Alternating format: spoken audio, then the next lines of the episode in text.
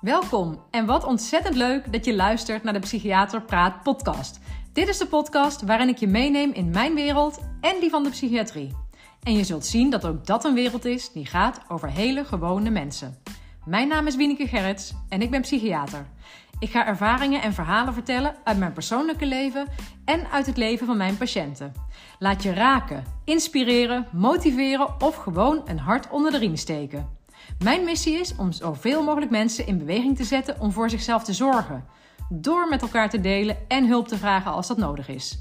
Niet alleen bij professionals, ook bij elkaar. Zo maken we samen het leven wat draaglijker en onszelf of de ander soms gewoonweg een stukje gelukkiger. Heel veel luisterplezier!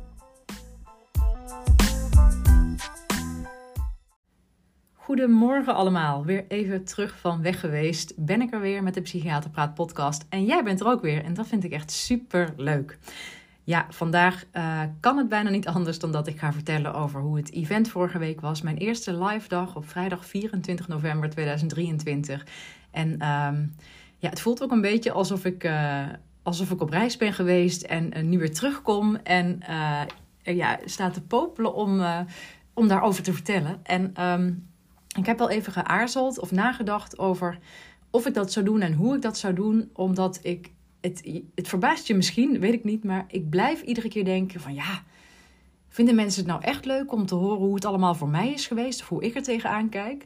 En um, uh, dan denk ik, ja, misschien komen mensen wel naar deze podcast juist omdat ze gewoon over onderwerpen willen horen, uh, over de geestelijke gezondheid, uh, over de psychiatrie, et cetera. Uh, en dat, dat is ook zo. Hè? Ik bedoel, dat wordt ook bevestigd dat mensen dat heel erg waarderen. Maar wat ook op die dag zelf gebeurde en wat ik ook uh, all the time, zeg maar, via uh, berichten van luisteraars te horen krijg, is dat het juist enorm gewaardeerd wordt. hoe ik toch vertel over mijn eigen ervaringen, over um, ja, gewoon mijn persoonlijke leven, hoe ik de dingen beleef. Juist omdat de manier waarop ik erover praat wel um, ja, doorspekt is van natuurlijk het reflecteren op mezelf. Hè? Dus vanuit toch ook mijn professionele achtergrond uh, ik de dingen beschouw. En dat um, ja, doet me ertoe besluiten dat ik vandaag jullie een beetje meeneem in de aanloop naar de, uh, de live dag toe. Uh, ja, wat, wat daar allemaal aan vooraf ging en hoe dat voor mij was en hoe de dag is geweest. Ik ga niet een nou, een chronologisch verslag uitbrengen van wat we allemaal precies gedaan hebben. Maar het is toch een beetje een nabeschouwing. En uh, nou ja, de indrukken die ik daarvan heb, de lessen die ik daar ook wel een beetje heb geleerd. Of, nou ja, dat is dan wel heel deftig gezegd, hè, maar wat, wat ik eruit meeneem. Nou ja, ik hoop dat, het je, uh, ja, dat ik je daar je interesse uh, voor kan wekken. En uh, misschien hoor je het een beetje. Ik ben lichtjes verkouden.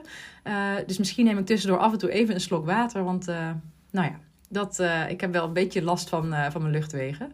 Um, ja, misschien moet ik ook wel daar beginnen. Dat de weken voorafgaand uh, aan afgelopen vrijdag waren, ja, kan ik wel zeggen, best wel hectisch. In, op een bepaalde manier. Uh, en daar heb ik, ik ben eigenlijk heel tevreden over hoe ik daar toch weer, zeg maar, ook weer sturingen aan heb kunnen geven. Um, en ik heb ook in de laatste podcast die ik uh, hiervoor maakte, verteld over stress. En daar heb ik ook een beetje het voorbeeld genomen van ja, dat deze periode mij ook gewoon stress gaf. Dat was ook zeker zo. Maar er kwamen ook wel weer wat, wat uh, nou, er waren ook wel weer omstandigheden die het niet makkelijker maakten. Maar zo is het leven natuurlijk ook weer gewoon. Dus het is eigenlijk ook weer heel gewoon dat dat gebeurt. Um, nou ja, in de laatste drie weken volgens mij voordat uh, de live dag was, uh, zijn alle drie mijn kinderen om de beurt een keer ziek geweest. En zodanig hè, dat ze ook echt koorts hadden of zo. Dus dat ze echt niet naar school konden, thuis moesten blijven. Nou ja, bij ons is het dan wel voor de hand liggend. Of nou ja, eigenlijk spreken we dat met elkaar af, mijn man en ik. Uh, dat ik in de meeste gevallen de kinderen dan thuis opvang, dat hij naar zijn werk gaat. Uh, dus dat was ook zo. En dat maakte wel echt dat ik meer moest zoeken naar mijn tijd, uh, ook om, ja, om een en ander voor te bereiden. En dat was enerzijds vond ik het ook heel erg fijn en gezellig. Want ja, hoe prettig is het als je gewoon goed voor je kind kunt zorgen als het ziek is. Um, maar ja, zoals afgelopen week, uh, als je een trouwe luisteraar bent, hè, in die zin dat je altijd mij op de voet volgt, dan heb je me vorige week gemist. Uh, dat was eigenlijk niet mijn intentie. Ik had eigenlijk eerder gewoon bedacht van nou, ik maak wel één of twee afleveringen in de week. Maar omdat ik toen dus ook gewoon thuis zat, niet in mijn uppie, um, ja, was het eerst een beetje frustrerend. Dacht ik, hè, wil gewoon zo graag. Ik wil graag een aflevering maken. Maar dat heb ik op een bepaald moment, ik weet niet op de eerste of de tweede dag van de week al hoor, maar gewoon losgelaten. Ja, er, niet alles kan gewoon. En ook al had ik een bepaalde verwachting of een bepaald voornemen, ik moest ook keuzes maken. En ja, dat maakte dat ik dacht, mijn kind en de live dag, zeg maar, die hebben nu gewoon prioriteit. En dan ehm, moet ik even de podcast laten varen. En ehm, dat, ja, hoe kan ik dat nou het beste omschrijven? Ik ben daar wel echt heel erg tevreden over. Dat in het verleden zou ik me, denk ik, veel meer druk gemaakt hebben. En ook meer in bochten gevrongen hebben. Om toch meer te doen dan, uh, dan dat ik nu eigenlijk gedaan heb. Daar komt het op neer. In het verleden zou ik echt avond en avond uh, waarschijnlijk aan het werk zijn geweest. omdat ik de tijd die ik overdag gemist had, s s'avonds zou inhalen. En dat is iets wat ik ook wel heb afgeleerd de laatste jaren. Omdat ehm, ja, mijn dag gewoon eigenlijk echt wel afgelopen was uh, aan het begin van de avond. Dat ik gewoon niet meer zo belastbaar was. Dat ik s'avonds nog dingen kon ondernemen of werken of wat dan ook. Ehm, dus avonden zijn, staan voor mij eigenlijk standaard in het teken van rust. Natuurlijk heb ik wel eens wat, maar veelal is dat voor mij gewoon afschakelen van de dag. En... Um, dus dat heb ik nu ook niet gedaan. Er was wel een moment, want uh, ik zit even te denken, ja, op de woensdag, twee dagen voor het event, uh, woensdagavond merkte ik wel dat dus een van mijn kinderen ook toch wel ziek was. En uh, toen dacht ik wel, hmm, hoe gaan we dit oplossen dadelijk? Als ik morgen hem weer thuis zou moeten hebben, echt de laatste dag voor het event, dat vond ik wel echt even tricky. Omdat ja, er waren toch puntjes op de i zetten, mijn aandacht, focus wilde ik hebben. En toen besprak ik zo met mijn man van ja, misschien als hij morgen thuis moet blijven, uh, ben jij in de gelegenheid? Hè? Kun jij uh, je werk verplaatsen of verzetten of thuis blijven? Nou, dat nam hij natuurlijk ook serieus in overweging, want hij wilde ook mij de ruimte geven om, uh, om me te kunnen voorbereiden. En toen vroeg hij wel van, goh, maar is wat je morgen eigenlijk wil doen, is het ook mogelijk om dat vanavond nog te doen? En we bespraken dit vlak na het avondeten. Het was nog vroeg, het was voor mij zes uur. De kinderen zaten voor het Sinterklaasjournaal. En... Ehm, hij zei ja, want dan, eh, dan maak je je nu gewoon vrij. Want gewoonlijk hè, regelen wij het samen. Eh, de kinderen naar bed brengen, eh, de keuken opruimen, de hond uitlaten. hij zei van, als het jou past, kun je wat mij betreft nu ook naar je werkkamer gaan. En die tijd besteden. En dan doe ik al die andere dingen. En toen dacht ik, oké, dat vond ik eigenlijk wel gewoon een mooie oplossing. Um, want het was niet zo dat ik echt dacht, ik moet nog een hele dag uh, gaan uh, hè, me opsluiten in mijn werkkamer. Het meeste voorwerk was natuurlijk wel al gedaan. Um, en toen dacht ik, ja, vind ik eigenlijk wel een goede oplossing. Dus dat is eigenlijk de enige keer dat ik s'avonds ben gaan werken. En ja, ik vind eigenlijk daardoor, want het was dus nog niet eens in mezelf opgekomen. Ik had nog niet eens zelf bedacht dat ik s'avonds dit werk zou kunnen gaan doen. En dat vond ik eigenlijk een hele prettige constatering, dat dat eigenlijk zo uit mijn systeem is geraakt.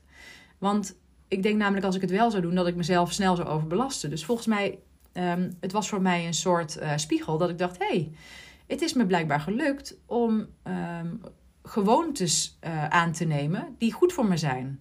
dus ik heb, um, zoals er natuurlijk met heel veel soorten van leefstijlveranderingen, uh, gaat, daar heb je lange tijd voor nodig om, om je aan te passen aan je nieuwe voornemens. En uh, dat gaat vaak ook een beetje met vallen en opstaan, hè, met terugval en opnieuw proberen. En nu kon ik eigenlijk constateren van hé, hey, maar dit is een, een ritme wat nieuw is ten opzichte van een aantal jaren geleden.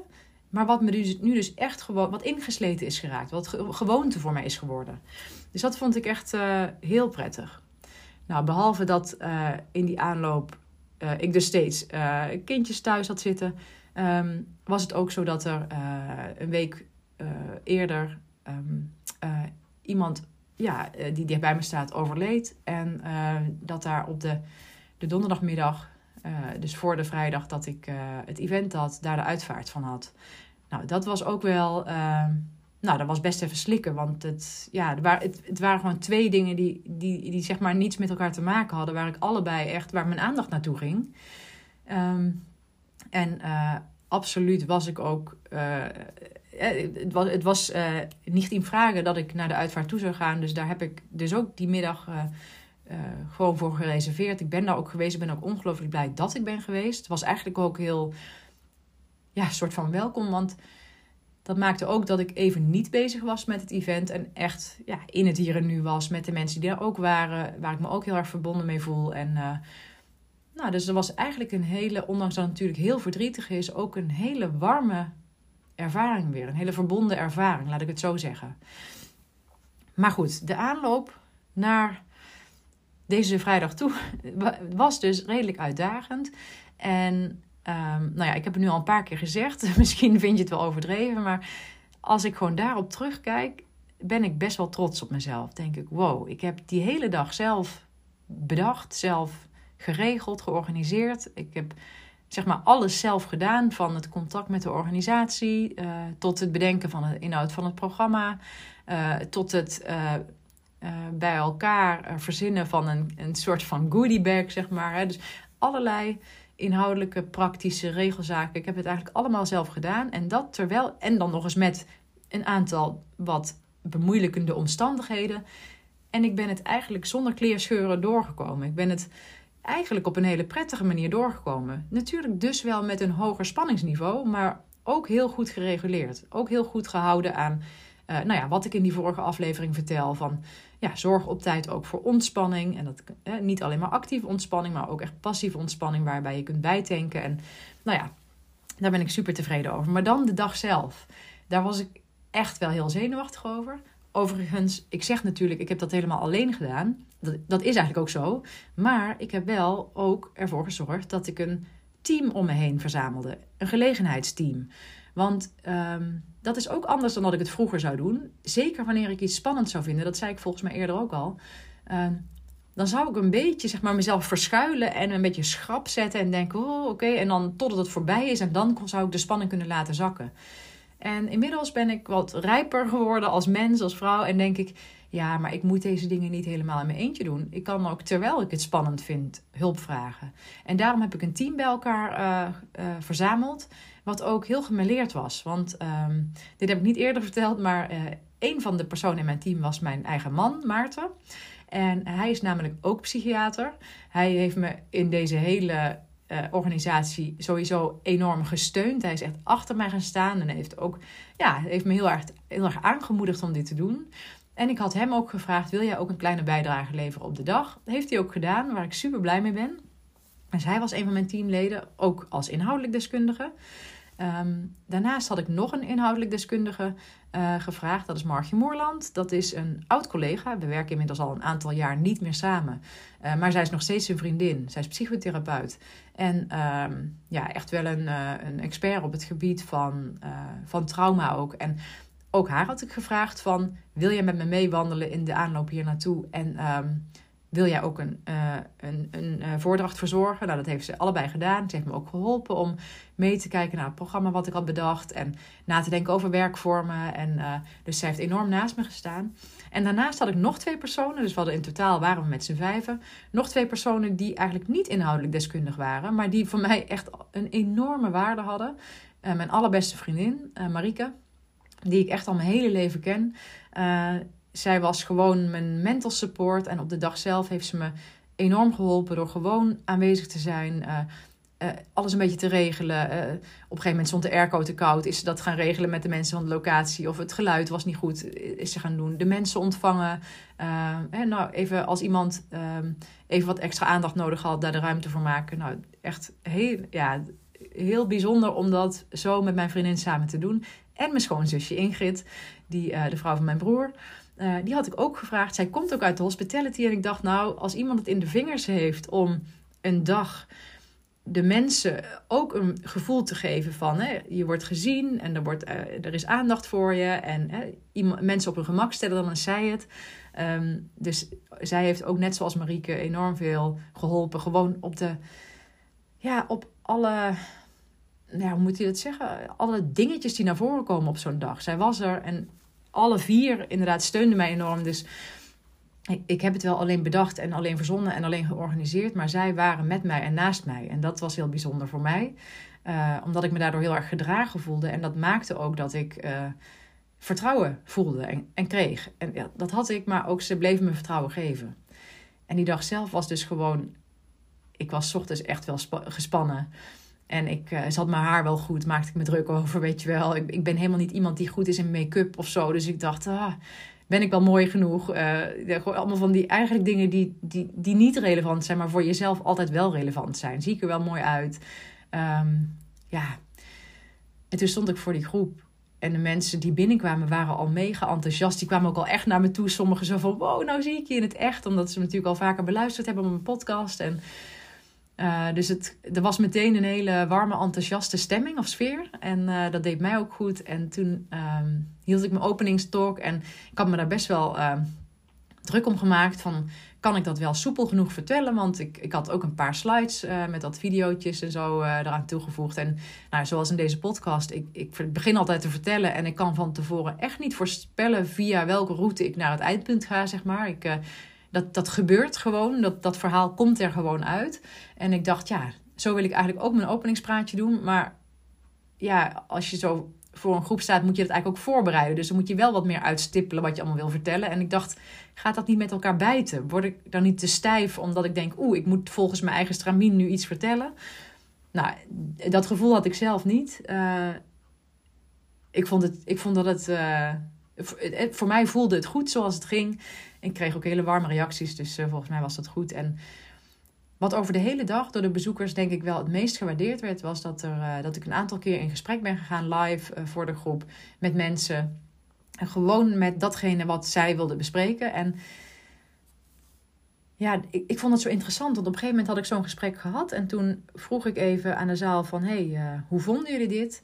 En uh, eerst was het even een beetje stil en toen kwam er een vraag en toen kwam er heel veel reactie ineens. Het was alsof iedereen eventjes moest aftasten van ga ik iets zeggen of even, even moest nadenken.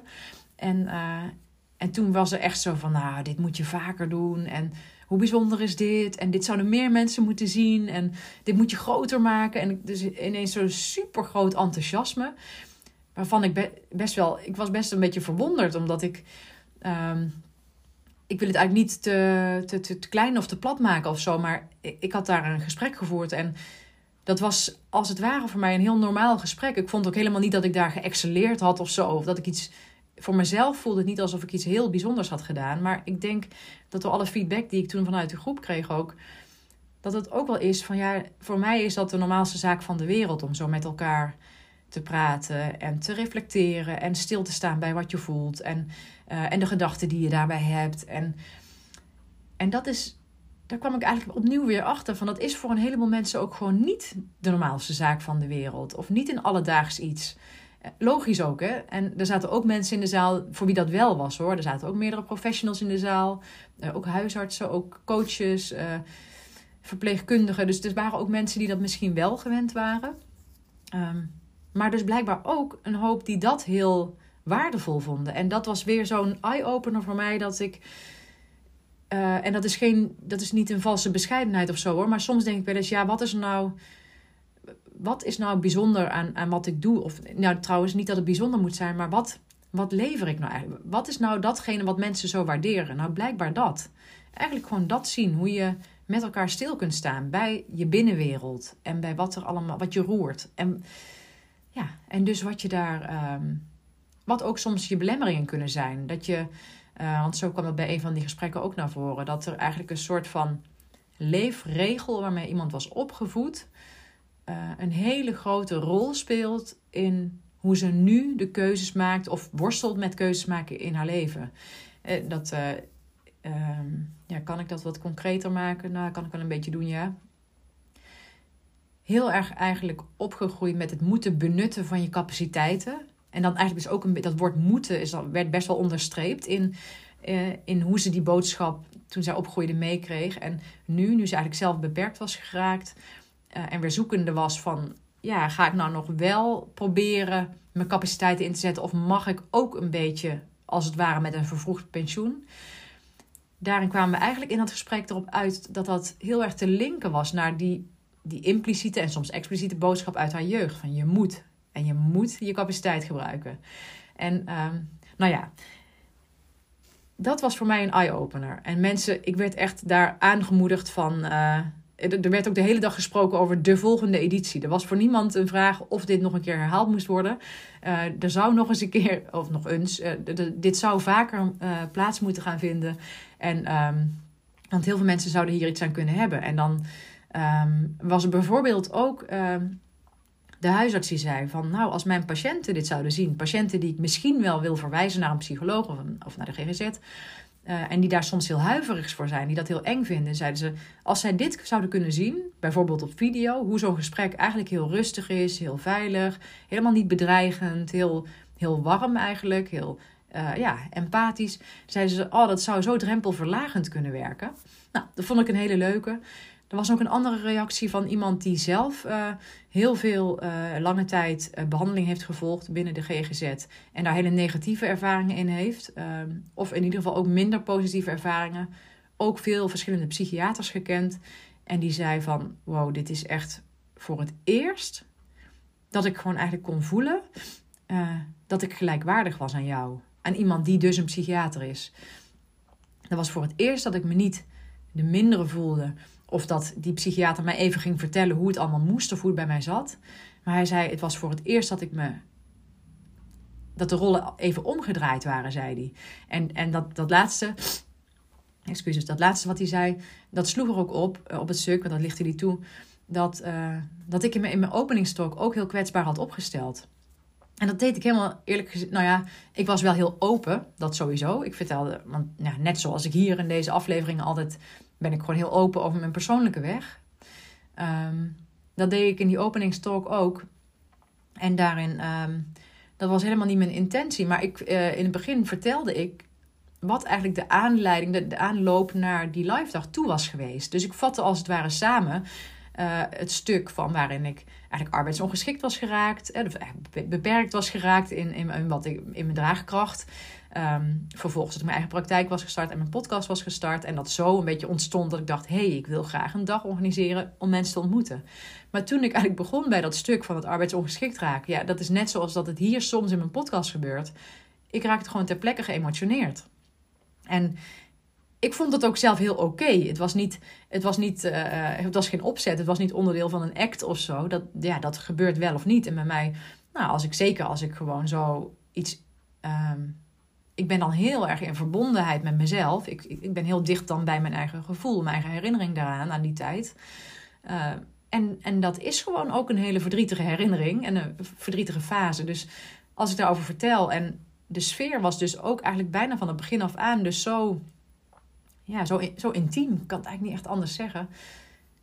Dat dan dat bij mij ook gewoon opkomt, dat verdriet. En die tranen kwamen dus en die hapering in mijn stem. En dus ik moest ook even stil zijn en even daar uh, de tijd voor nemen. En, uh, um, en ik merkte ook, ik vond dat zelf dus ook serieus gewoon niet vervelend. Ik vond het gewoon oké dat dat gebeurde. En ik merkte ook dat het publiek, of eh, meerdere mensen in ieder geval, dat ook erg konden waarderen. Ik weet niet meer letterlijk de tekst, maar er was ook iemand die, die de hand opstak en die zoiets zei van... hé, hey, laat maar gaan, Wieneke, het is goed of zo. Die me echt een beetje ook wilde ja, aanmoedigen of troosten of zoiets. En, uh, en dat ik ook zei, ja, ik vind het ook oké. Maar blijkbaar, um, ja, blijkbaar, natuurlijk weet ik dat eigenlijk ook wel, maar dit zijn we met z'n allen niet zo heel erg gewend. Zeker niet in zo'n setting. Uh, maar ook zelfs niet bij elkaar. Ook zelfs niet altijd in vriendschappen of, hè, of in, in andere relaties. Om eigenlijk gewoon dat te kunnen laten zijn wat er is. Gewoon kwetsbaar te kunnen zijn. Um, zonder dat het afbreuk doet eigenlijk aan, nou in dit geval ook aan mijn autoriteit eigenlijk. Hè. Ik, ik sta daar wel als expert, ik sta daar als psychiater. Maar ik heb in ieder geval geen feedback gekregen dat iemand zei van nou, hè, dat je daar uh, gaat staan huilen, dat vind ik nou helemaal niks. Nee, dat was echt in tegendeel. En voor mij, um, en dat is dan maar, of maar, maar ik bedoel, dat is één persoon die die, die reactie gaf. Maar die is voor mij zo hartverwarmend dat ik denk, hè, hè, dat ik bij één persoon in ieder geval op die dag heb kunnen bereiken dat hij zich niet minder waardig voelde. Ja, dat, daar word ik, ja, dat is zo erg wat ik wat, wat ik ook echt vind. Ik vind het soms zo stom dat er gesproken wordt over ongelijkwaardigheid.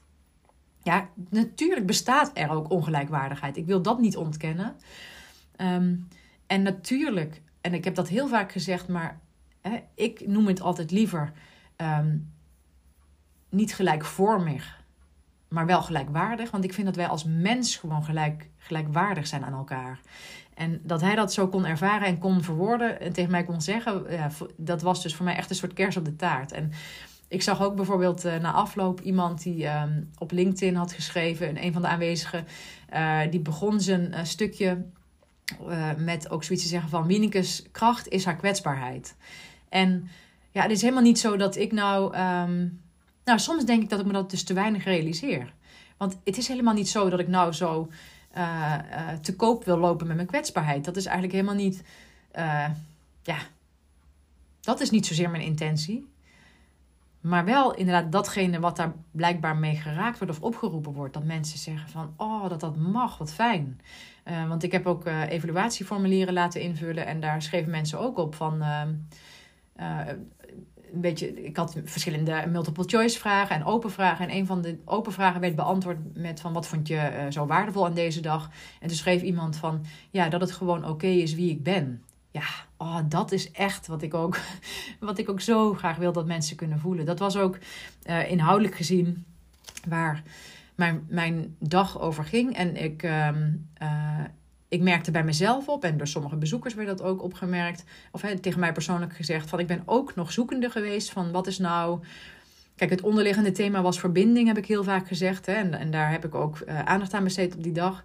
Maar ik ben ook zoekende van wat is nou mijn boodschap? Wat ben ik nou aan het overbrengen? En dus al deze feedback van al deze individuen, of soms vanuit de hele groep, zijn voor mij dus zo waardevol. Die helpen mij om te snappen wat vinden mensen interessant? Wat vinden mensen vernieuwend of, of inspirerend? Wat, en wat kan ik dus meenemen als ik dit nog eens een keer zou gaan organiseren? Van wat wat wil ik dan gaan doen? Nou, in ieder geval, als ik dit nog een keer ga doen, en die kans is best wel groot, ehm, dan ga ik zeker veel ruimte maken voor dit soort live gesprekken. En daar heb ik ook over zitten nadenken van misschien is het dan wel leuk om af en toe tijdens het gesprek het even op de pauzeknop te drukken en even aan het publiek uit te leggen waarom ik bijvoorbeeld uh, een richting in het gesprek kies. Hè, of waarom ik een vraag wel of niet stel. Dus ik krijg allemaal weer nieuwe ideeën. Um, maar uh, over die, um, ja, dus het, het, onderliggende thema was wat mij betreft verbondenheid. Maar eigenlijk heb ik geprobeerd om de hele dag um, in te kleden in hoe kun je nou eigenlijk voor je mentale zelf zorgen. Hoe, uh, ja, hoe, wat, wat ligt er eigenlijk in je eigen macht om te doen om uh, je goed te voelen of beter te voelen. Dus hoe kun je zorgen voor je eigen welzijn? En uh, ook de praatjes dus van mijn man Maarten en van mijn collega Margje gingen ook eh, tenminste waren gelinkt aan dit thema. Zo van, mijn man vertelde meer iets uh, over, de in, over de samenhang tussen, tussen je lichaam en je geest. En wat je ook daarin zelf kunt doen. Ook bijvoorbeeld in leefstijl. En hoe je um, en hoe ook lichamelijke gezondheid invloed heeft op je mentale gezondheid en andersom. En Margje vertelde wat over trauma, maar dus ook van hoe kun je nou zorgen voor je, voor je ja, je, het kleine kind in jezelf of, of de, pijnlijke kanten in jezelf, uh, nare herinneringen die opgeslagen liggen in jezelf. dus dat werd gerelateerd aan trauma, maar het, het, de hele dag was wel gericht op van hé, hey, wat kun jij zelf doen om je goed te voelen. En ik heb ook dat, um, dat concept van het ik-isme weer uh, genoemd, geïntroduceerd. Van het ik-isme, dat is voor mij een beetje mijn denkkader of mijn overkoepelende concept van Um, dat je eigenlijk echt je uitgangspunt ben jezelf. Dat, dat, dat geldt gewoon voor iedereen. Iedereen is een ik. En binnenin dat uh, model van ik-isme zitten eigenlijk allerlei uh, thema's verscholen. Um, waarin het en-en is. Dus het is en gerichtheid op jezelf en naar binnen kijken. Naar binnen kijken wat je voelt en wat je denkt. Wat je beweegt. Wat je behoeftes zijn. Wat je pijnlijke herinneringen zijn. Dus allemaal dat naar binnen gerichtheid. Maar ook het gerichtheid op de ander. Want we leven niet in een, in een alleenige wereld. We leven met elkaar. Dus we hebben eigenlijk allemaal, vind ik, ja, je zou kunnen zeggen, een soort verantwoordelijkheid. Maar ook een soort van zelfsprekendheid. Dat je met jezelf bezighoudt, maar ook met die ander. En um, de, de het thema is ook uh, het verleden, heden en de toekomst. Je hebt je eigen geschiedenis, daar zitten gegevenheden in. Um, waar je niets aan kon doen. Daar zitten keuzes in die je zelf hebt gemaakt. Maar dat, alles is je verleden. Daar zit geluk in, daar zit verdriet in, daar zit van alles in. Uh, je zit in het nu en je hebt een toekomst. En uh, ook daarin kun je weer uh, voor, voor een deel wel invloed uitoefenen op je toekomst en voor een deel niet. Want dat, dat is wat je overkomt. Dus ook die, dat thema komt terug. De gegevenheden van het bestaan en um, de, de grip, de, de, um, kan even niet op een woord komen, maar um, wat je zelf in je macht hebt. Wat je wel kunt beslissen. En dat is beide aanwezig in het leven. Er zijn gewoon dingen die je overkomen, of die je overkomen zijn, maar in de toekomst is dat ook zo. Er zijn dingen waar je geen grip op hebt en er zijn dingen waar je dat wel op hebt. En um, nou ja, zo heb ik ook weer dat concept, dat is het, ja, het ikisme is voor mij echt een overkoepelend model. Wat ik eigenlijk een beetje ben gaan en ben ik nog steeds aan het uh, verfijnen, zeg maar. Maar de, daar kwam ik op, onder andere toen ik in mijn eigen proces daar, daarop werd geattendeerd. Van hé, hey, begin nou eens bij jezelf. Want um, dat heb ik eigenlijk natuurlijk jarenlang als psychiater met al mijn patiënten gedaan. Hè? gewoon echt kijken naar de persoon zelf, meewandelen, luisteren, aanhoren, uh, erkennen, um, suggesties doen, nou, dat. Maar toen ik zelf in een moeilijke tijd zat en op een gegeven moment een coach zocht en zij dat eigenlijk bij mij begon te doen. Hè. Zij wandelde met mij een stukje mee. Zij, uh, ja, de rollen waren als het ware omgedraaid. Zij begon mij de vragen te stellen. Toen merkte ik hoe, hoe ik ook soms vergeten was om de connectie met mezelf te maken. Om mezelf als uitgangspunt te nemen en te kijken van... Ja, waar sta ik? Ben ik nog aan het leven volgens de behoeften die ik, die ik in de diepste laag van mezelf heb? En... Um, ben ik nog voldoende in contact met het verdriet wat ik heb in deze situatie? Ben ik voldoende in contact um, met de ander? Nou, dus daarom kwam ik op dat woord ikisme, omdat um, ik zocht naar een woord wat paste bij dat het echt bij jezelf begint. Want we zijn gewoon allemaal een individu. En bijna alle zelfhulpboeken en heel veel um, ja, uh, aanbieders van, van hulp, in welke vorm dan ook, en of het nou in de eh, eh, in de GGZ is of daarbuiten in alternatievere richtingen. Het, is, het is eigenlijk allemaal gericht op um, empowerment, op de persoon zelf versterken, om te kijken wat erin zit. En daar geloof ik ook in. Dat kwam ook op deze dag naar voren. Zo van, eigenlijk zitten heel veel antwoorden op vragen waar we mee leven, zitten gewoon in onszelf. En je kunt wel hulp vragen aan een ander om, je, om bij die antwoorden uit te komen. Hè? Want dat is ongeveer mijn werk. Dat ik andere mensen help om bij de antwoorden op hun eigen vragen te komen. Dus in het ikisme zit niet van je moet het lekker helemaal alleen doen. Integendeel, je mag het heel erg samen doen. En dat mag gewoon bij je vrienden, familie, je buren of bij professionele hulp. Um, maar het is wel gewoon dat je bent gewoon zelf het startpunt.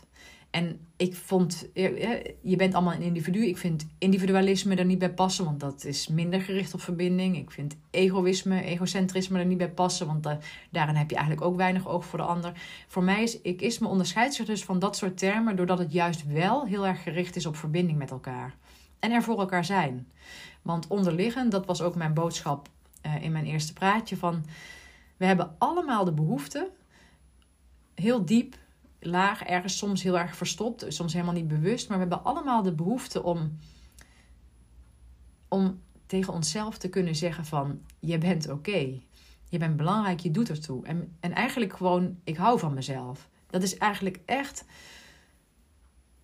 Ja, ik zeg het is van ons allemaal een behoefte, daar geloof ik ook echt in. Maar ik denk ook dat dat ook echt, als je dat kunt bereiken, die toestand waarin je echt oké kunt zijn met jezelf. En niet alleen maar van oké, je bent oké genoeg, maar gewoon hè, positieve zin. Je bent oké. Met je plussen en je minnen. Hè? Met je mooie of minder mooie kanten. Dat doet er niet toe. Je bent oké met het totaalpakket van wat je bent. Als je dat kunt bereiken, geeft dat al een heel uh, groot, bazaal gevoel van geluk of tevredenheid. Maar uh, dat in zijn eentje is niet genoeg. Je wil dat ook in verbinding kunnen voelen. Je wil het van de ander kunnen ontvangen en je wil het aan de ander kunnen geven. Want dan heb ik het idee, dan ontstaat er echt een verdieping van ons bestaan. Dan, dan denk ik dat er echt een, ja, als je dat kunt bereiken, ik ben echt oké en ik vind jou echt oké, of jij vindt mij ook echt oké. dat je dan een soort bazaal geluk en niet, niet happy de peppy uh, festival blijheid bedoel ik, hè, maar gewoon een soort juist bazaal gevoel van het leven is oké. Dat is, uh, dat is echt mijn, ja, hoe moet ik het zeggen? dat is waar, waar ik werk aan wil besteden. Om, bij mezelf ben ik daar dus continu actief mee bezig. Daarom had ik net ook een hele lange intro, realiseer ik me ook wel hoor. Maar van hoe ik die hele dag heb voorbereid. Als je dat hieraan koppelt, gewoon van dat ik zo veel bezig ben geweest met mezelf in balans houden. Met mijn stress reguleren. Met, ja, nou die dingen dat doe ik omdat ik mezelf belangrijk vind. Dat doe ik omdat ik, ook als ik in de voorbereiding gaten zou laten vallen, dat ik eigenlijk zelfs dan tegen mezelf kan zeggen: Wieneke, dat is oké. Ehm, ook als de dag niet perfect zou gaan, dat ik gewoon kon zeggen: dat mag ook. En natuurlijk ging de dag ook niet perfect. Er waren ook wat haken en ogen. En ehm, gelukkig geen, geen dramatische of hele vervelende dingen. Tenminste, in mijn ogen niet. Maar uh, natuurlijk was het niet perfect. En ik leer er heel veel van. Ik neem er dingen uit mee voor een volgende keer als die er komt. Ehm, maar dus juist die boodschap aan mezelf kunnen geven. En die heb ik me ook hardop, letterlijk hardop gegeven voor uh, in de aanloop naar de dag toe. Die boodschap kunnen geven van Wieneke, dit is een eerste keer dat je dit doet. Je mag hiervan leren. Um, het hoeft niet perfect. En uh, mensen mogen zelfs ook teleurgesteld zijn. Dat zou ik echt het allerergst vinden als er mensen komen en die denken echt, wat is het voor een dag? Zou ik vreselijk vinden, maar zelfs dat mag eigenlijk. Want hoezo zou je zoiets in één keer helemaal goed kunnen doen? Dus nu, um, ja, hiermee wil ik een beetje gaan eindigen, want anders ga ik veel meer woorden gebruiken, terwijl dit eigenlijk echt mijn boodschap is. Als ik met wat ik ook doe. Of het nou mijn podcast is, of nog vaker live dagen, of gewoon in het één op één coachen of in kleine groepen. Als ik kan helpen mensen te komen op een vergroting van de waardering naar zichzelf en naar de ander. En ook, het is niet alleen naar de ander, het is ook het ontvangen. Dus uh, daar besteed ik ook altijd aandacht aan. Want om waardering hè, of, of liefde van de ander of uh, aandacht, het gezien worden, het gehoord worden, te kunnen ontvangen van de ander, moet je jezelf dus ook laten zien. Moet je jezelf ook laten horen. Dus zelfs daarin ligt een taak voor jezelf weggelegd om dat te kunnen ontvangen. Als ik dat kan bereiken in het werk wat ik doe, in welke vorm dan ook, dan heb ik echt, uh, ja, dan ben ik echt heel tevreden. Over mezelf ben ik al tevreden, dat zei ik net al. Ik ben gewoon oké zoals ik ben. Maar nou, dat is wel echt, dat is waarin ik mezelf, um, ik wou zeggen, mezelf wil uitdagen. Dat is misschien niet het perfecte woord. Oh, heb ik weer over perfect. ik spreek mezelf toch soms nu en dan tegen. Maar ja, daarin wil ik echt mezelf stretchen. Als ik daar iets aan kan bijdragen, maakt dat me gewoon nog extra gelukkig. Nou, dit was een beetje een, ja, een globale beschouwing van de afgelopen paar weken rondom uh, dit event. En um, nou ja, om nog eens, ik, ik had dus evaluatieformulieren laten invullen. Ik had uh, de eerste vraag ging erover van hoe beoordeelt u deze dag in zijn algeheel? Dat was op een vijfpuntschaal. Ik heb net even zitten kijken en um, uh, het was op het, op, het precieze af. Waar was de helft scoorde de vijfde, de hoogste, en de helft scoorde de vierde. En niemand scoorde lager. Dus je zou kunnen zeggen, mijn dag op een schaal van, van 1 tot 5 heeft een 4,5 gehaald overall. En daar ben ik echt mega tevreden mee. Dus um, nou ja, voor degene, er zijn best veel mensen die me een bericht hadden gestuurd van ik had er graag bij willen zijn, maar ik kon die dag niet specifiek of zo. Um, ik denk dat je inderdaad een heel mooi event hebt gemist. Het werd erg gewaardeerd door de mensen die er waren. En um, ik heb even mijn tijd nodig om bij te komen. Ik was uh, het weekend nadien echt moe. Uh, fysiek ging, daar heb ik trouwens ook veel vragen over gekregen. Fysiek ging het heel erg goed. Ik heb de dag heel goed volgehouden. Ik heb ook eigenlijk weinig last gehad, achteraf uh, van lichamelijke overbelasting. Zondagavond merkte ik het wel, dat ik mijn spieren, hè, dat, voel ik, dat, dat is wat ik bij mezelf altijd ga voelen als ik me overbelast. Van, mijn spieren waren wel wat verkrampt, dus ik had echt behoefte aan uh, echte ontspanning, fysiek. Um, maar ik ben, uh, dus ook dat voor mij was weer een enorme opsteker. Hè? Dat ik kijk van hoe heb ik het afgelopen jaar naar mijn leven rigoureus veranderd. En dat uh, werpt dus zijn vruchten af. Ik kan dus blijkbaar gewoon een hele dag doorkomen. Een hele intensieve dag zonder dat ik daar echt van op de blaren moet zitten. Ik moet er wel van bij komen, maar dat mag ook. Dus dat, uh, ja, je, je hoort het, ik raak niet uitgepraat. Ik zou nog uren door kunnen gaan, maar daar ga ik je niet mee vermoeien. Ik ben super tevreden. Ik lag gisteravond te stuiteren in mijn bed van, van blijdschap. Behalve dat er ook echt wel kritische stemmen in mezelf af en toe me lastig vallen hoor. Omdat ik dingen vind dat die anders of beter hadden moeten. Maar ik ben echt heel erg blij met hoe het is geweest. En voor de mensen die er dus niet waren, dat wilde ik gaan zeggen. Ik geloof wel in dat er uh, een moment komt dat ik uh, zeker een tweede editie ga organiseren. En um, dan hoop ik dat jij er ook bij kunt zijn. Super bedankt voor het luisteren. En uh, hopelijk, nou hopelijk. En mijn intentie is om weer een beetje terug te gaan veren naar het normale ritme van mijn werkbestaan. Dus ook van het maken van de podcast. Dus als het goed is, ga je me gewoon weer met, met gezette regelmaat terug horen hier op dit kanaal. En hopelijk ben jij er dan ook weer bij. Nou, bedankt voor het luisteren en tot de volgende!